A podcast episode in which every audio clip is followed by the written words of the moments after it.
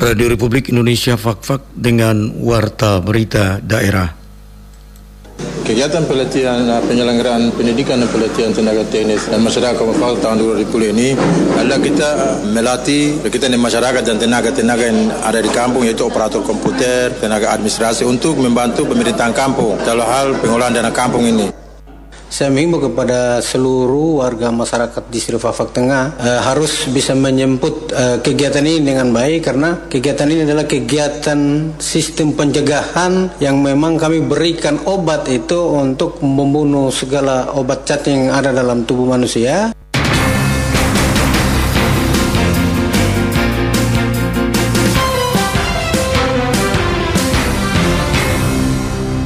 Selamat pagi, kami sampaikan sari berita. Sebanyak 42 peserta dari 42 kampung kemarin mengikuti pendidikan dan pelatihan tenaga teknis dan masyarakat Kabupaten Fakfak tahun 2020 yang bertempat di Hotel Fakfak. Kepala Puskesmas Fakfak Tengah, Lajoni, mengharapkan masyarakat Kabupaten Fakfak dapat berpartisipasi mengikuti gerakan eliminasi penyakit kaki gajah yang dilakukan setiap bulan Oktober untuk mencegah penularannya. Itulah berita utama pagi ini selengkapnya bersama saya Emsen Lamonja.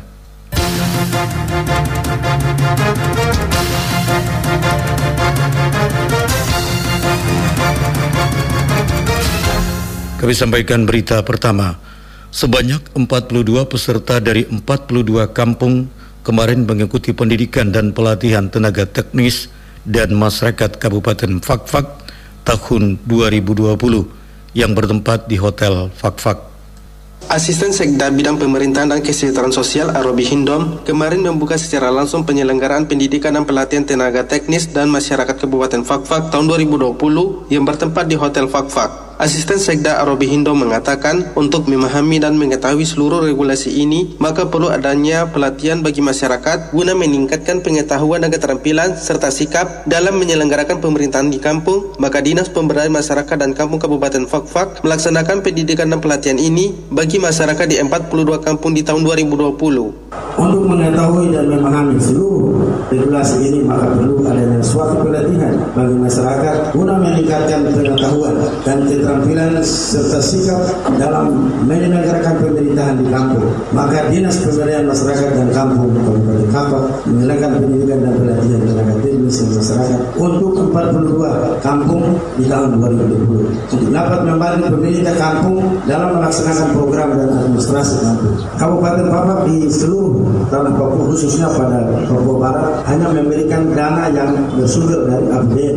Hanya di Kabupaten Kapak yang bisa mengelola APBN APBD kepada pemerintah kampung dan mulai tahun anggaran 2017 sampai dengan 2020 pemerintah Kabupaten Papua telah kucurkan dana kampung bahkan membentuk badan usaha milik kampung BUMKM. Sementara Abdullah Temong Mere yang juga selaku PLT Kepala Dinas Pemberdayaan Masyarakat dan Kampung Kabupaten Fakfak menjelaskan maksud dan tujuan dilaksanakannya pendidikan dan pelatihan tenaga teknis dan masyarakat adalah untuk melatih masyarakat dan tenaga-tenaga yang ada di kampung terutama operator komputer dan tenaga administrasi untuk membantu pemerintahan kampung dalam hal pengelolaan dana kampung. Kegiatan pelatihan uh, penyelenggaraan pendidikan dan pelatihan tenaga teknis dan masyarakat Kabupaten tahun 2020 ini adalah kita uh, melatih kita di masyarakat dan tenaga-tenaga yang ada di kampung yaitu operator komputer, tenaga administrasi untuk membantu pemerintahan kampung dalam hal pengolahan dana kampung ini. Karena yang kita lihat ini memang masih banyak kepala-kepala kampung yang masih membutuhkan banyak kekurangan-kekurangan dalam hal apa administrasi. Itu untuk itu kami mencoba untuk melakukan ini uh, pelatihan ini supaya setelah dari sini teman-teman pelatihan ini pulang ke kampung bisa membantu pemerintahan kampung untuk membantu dalam hal administrasi maupun program-program yang ada di tingkat kampung. Melalui penyelenggaraan pendidikan dan pelatihan tenaga teknis dan masyarakat Kabupaten Fakfak tahun 2020 dapat mewujudkan kampung membangun dengan harapan semoga pelatihan ini dapat berjalan dengan baik dan bermanfaat bagi seluruh pemerintahan kampung dalam melakukan pengelolaan dana kampung. Januardi melaporkan.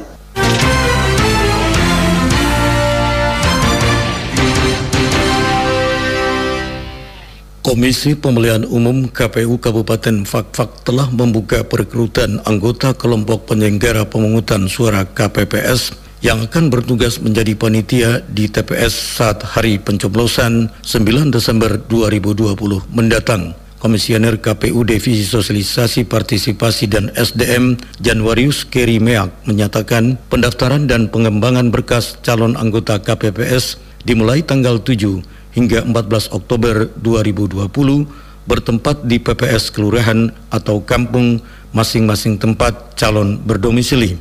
Sementara syarat menjadi anggota KPPS adalah warga negara Indonesia berusia minimal 20 sampai dengan 50 tahun tidak menjadi anggota partai politik, berdomisili dalam wilayah kerja KPPS, serta berpendidikan minimal SMA atau sederajat.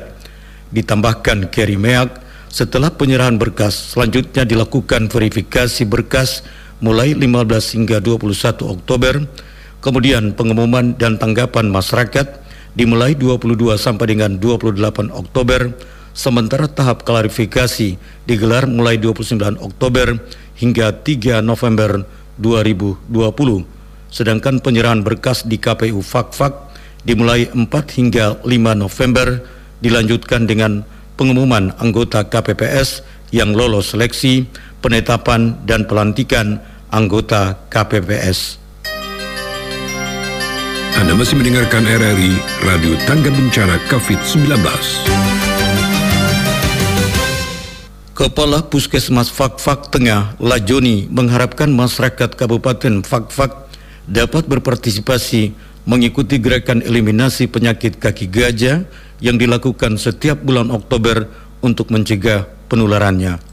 Saudara, penyakit kaki gajah adalah penyakit infeksi bersifat menahun yang disebabkan cacing filariasis dan penularannya melalui nyamuk. Pada awalnya, penderita penyakit kaki gajah akan mengalami gejala demam dan peradangan saluran getah bening. Terjadi bengkak pada lipatan paha atau ketiak disertai panas dan nyeri. Pada tahap kronis terjadi pembesaran pada bagian tubuh seperti tangan, kaki, bahkan payudara dan buah zakar karena kerusakan pada saluran getah bening, maka penderita akan mengalami cacat seumur hidup. Kepala Puskesmas Distrik Fakfak Tengah Lajuni mengatakan, untuk mencegah penyakit tersebut, pemerintah menetapkan eliminasi penyakit kaki gajah sebagai salah satu prioritas nasional pengendalian penyakit menular dengan maksud memutus mata rantai penularan melalui program pemberian obat pencegahan massal POPM dan upaya membatasi kecacatan. Dikatakan untuk menghentikan siklus cacing filaria secara permanen, kini dilakukan pembagian kelambu kepada masyarakat dan semua orang berusia 2-70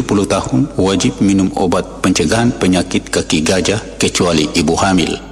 Saya menghimbau kepada seluruh warga masyarakat di Sri Fafak Tengah eh, harus bisa menyemput eh, kegiatan ini dengan baik karena kegiatan ini adalah kegiatan sistem pencegahan yang memang kami berikan obat itu untuk membunuh segala obat cacing yang ada dalam tubuh manusia. Dan kelambu yang kami kasih adalah untuk melindungi para masyarakat dari gigitan nyamuk malaria karena salah satu pencegahan kaki gajah adalah dari nyamuk karena nyamuk juga membawa parasit cacing yang sudah dimasukkan dimasukkan ke dalam tubuh manusia. Untuk mendapatkan kelambu dan obat kaki gajah tentunya untuk di Tengah kami sudah buat seluruh pos pos pelayanan di tingkat RT sampai pun kampung. Jadi kalau memang belum ada yang belum dapat pada saat itu jelas kami lakukan sweeping kembali dan tentunya kalau memang masyarakat merasa penting untuk obat kaki gajah dan kelambu belum dapat sama sekali, jelas kami membuka akses di puskesmas untuk tetap datang pada uh, waktu pelayanan tetap kami akan memberikan itu uh, sesuai dengan program yang sudah kami jalankan.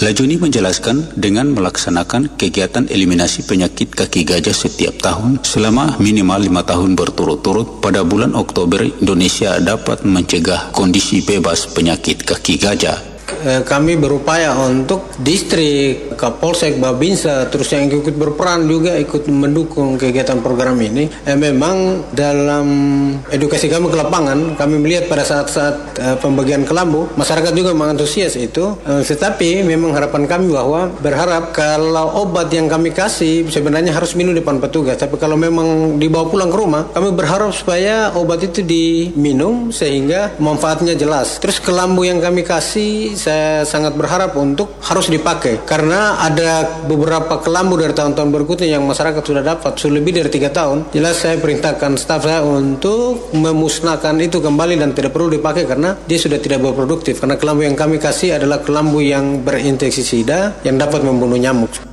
Program pemberian obat pencegahan massal POPM oleh petugas sangat bermanfaat karena menghindarkan masyarakat dari dua penyakit sekaligus yaitu penyakit kaki gajah dan menurunkan infeksi cacing usus yang juga berperan dalam kejadian kurang gizi dan stunting pada anak Lamarumu melaporkan.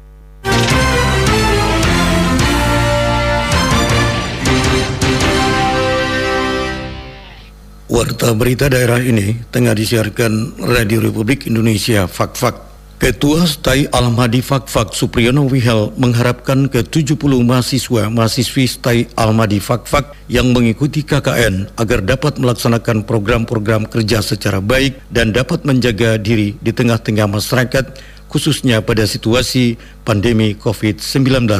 Berikut laporan selengkapnya. Sebanyak 70 mahasiswa mahasiswi Sekolah Tinggi Agama Islam Salimah di Fakfak selama tiga hari telah mengikuti pelatihan pembekalan kuliah kerja nyata KKN tahun akademik 2019-2020. Pembekalan tersebut dilakukan pada Aula Kampus Tai yang bertujuan untuk memberikan pemahaman, pengalaman, serta keterampilan kepada para peserta KKN tentang penerapan ilmu pengetahuan yang telah didapatkan. Ketua Style Madi Fakfak Supriyono Wihal mengatakan, sinergitas ilmu dan pengetahuan yang diharapkan pada selama pelaksanaan kegiatan kuliah kerja nyata itulah terlebih dahulu dilakukan pelatihan dan pembekalan kepada peserta KKN. Dikatakan selama pelatihan dan pembekalan KKN berlangsung, materi-materi yang diberikan oleh pihak kampus di antaranya materi-materi seputar tata kelola pemerintahan kampung, tata kelola koperasi kampung, perpustakaan di sekolah dan kampung, serta materi-materi teknik pemetaan dan penyusunan program dan materi-materi lainnya. Sinergitas ilmu dan pengetahuan yang kita harapkan dalam pelaksanaan KKN itulah kemudian kita buat terlebih dahulu dalam bentuk pembekalan KKN. Materi-materi yang disampaikan dalam pelaksanaan pembekalan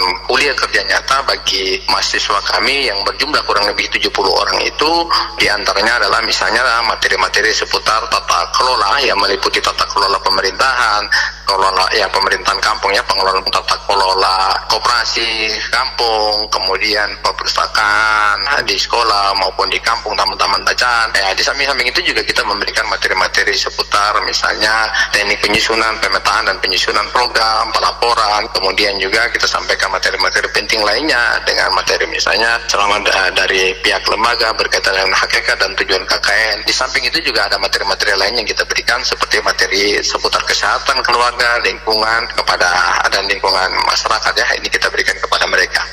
Sementara titik lokasi pelaksanaan kuliah kerja nyata KKN tahun akademik 2019-2020 akan ditempatkan pada tiga lokasi di tiga kampung distrik Teluk Patipi, yakni Kampung Ovi, Timar, dan Kampung Tiba-Tiba Nanam.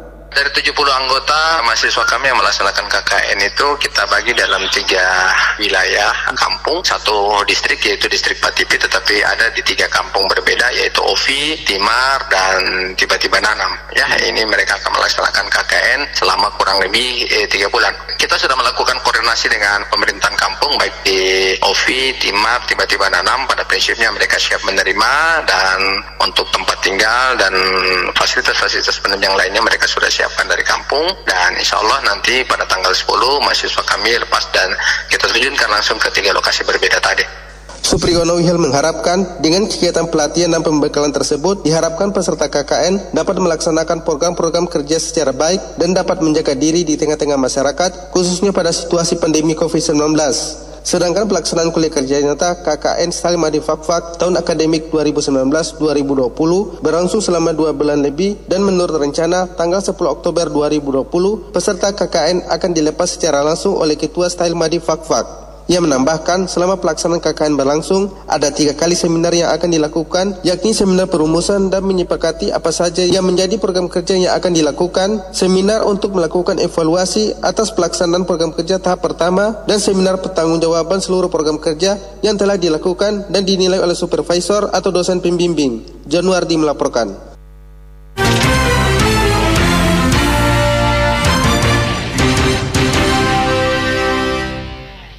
Saudara, berikut kita ikuti komentar RRI yang kali ini menyoroti tentang disiplin terapkan protokol kesehatan cegah COVID-19 bersama Niko Afleubun. Saudara, ketika masyarakat ingin pandemi COVID-19 segera berakhir, kenyataannya mereka makin melonggarkan disiplin dalam memenuhi protokol kesehatan. Hal inilah yang membuat muncul klaster corona baru. Seharusnya masyarakat masih harus mematuhi protokol kesehatan dan pakai masker agar tidak tertular keganasan virus COVID-19. Protokol kesehatan selalu disosialisasikan oleh tim Satgas Penanganan COVID-19 dan sebenarnya masyarakat juga sudah paham ketika mendengar himbauan itu. Namun sayangnya masih saja ada sebagian pihak yang mulai lalai dan malas menerapkan protokol kesehatan. Selain itu, mulai banyak yang menyelenggarakan acara tanpa mematuhi aturan jaga jarak. Kelalaian ini mengkhawatirkan karena bisa memunculkan kasus baru seperti orang tanpa gejala. Sebuah acara bisa diselenggarakan namun harus memenuhi protokol kesehatan seperti pakai masker ketika di luar rumah, rajin cuci tangan pakai sabun pada air yang mengalir atau menggunakan hand sanitizer dan selalu jaga jarak minimal 1 meter. Kedisiplinan dalam memenuhi protokol kesehatan harus terus dilakukan tak hanya di sebuah acara, namun juga di tempat lain. Mematuhi protokol kesehatan sebenarnya tidak terlalu sulit, dan harga masker juga cukup murah. Namun sayangnya, banyak yang malas memakai masker dan melanggar protokol lain, seperti physical distancing. Tetaplah tertib dalam berdisiplin, menaati protokol kesehatan, dan bawa hand sanitizer saat bepergian. Protokol ini dibuat demi kesehatan kita bersama. Sekian komentar.